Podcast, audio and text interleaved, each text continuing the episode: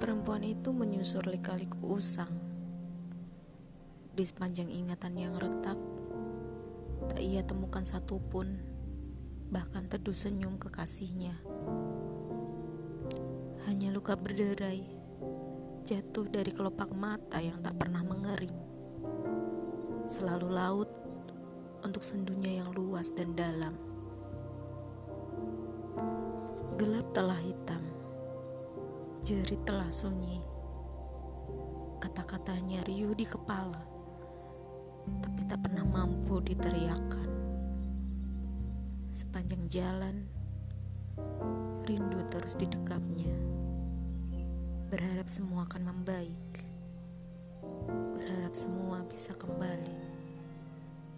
Hingga tak sadar, rindunya telah jadi belati.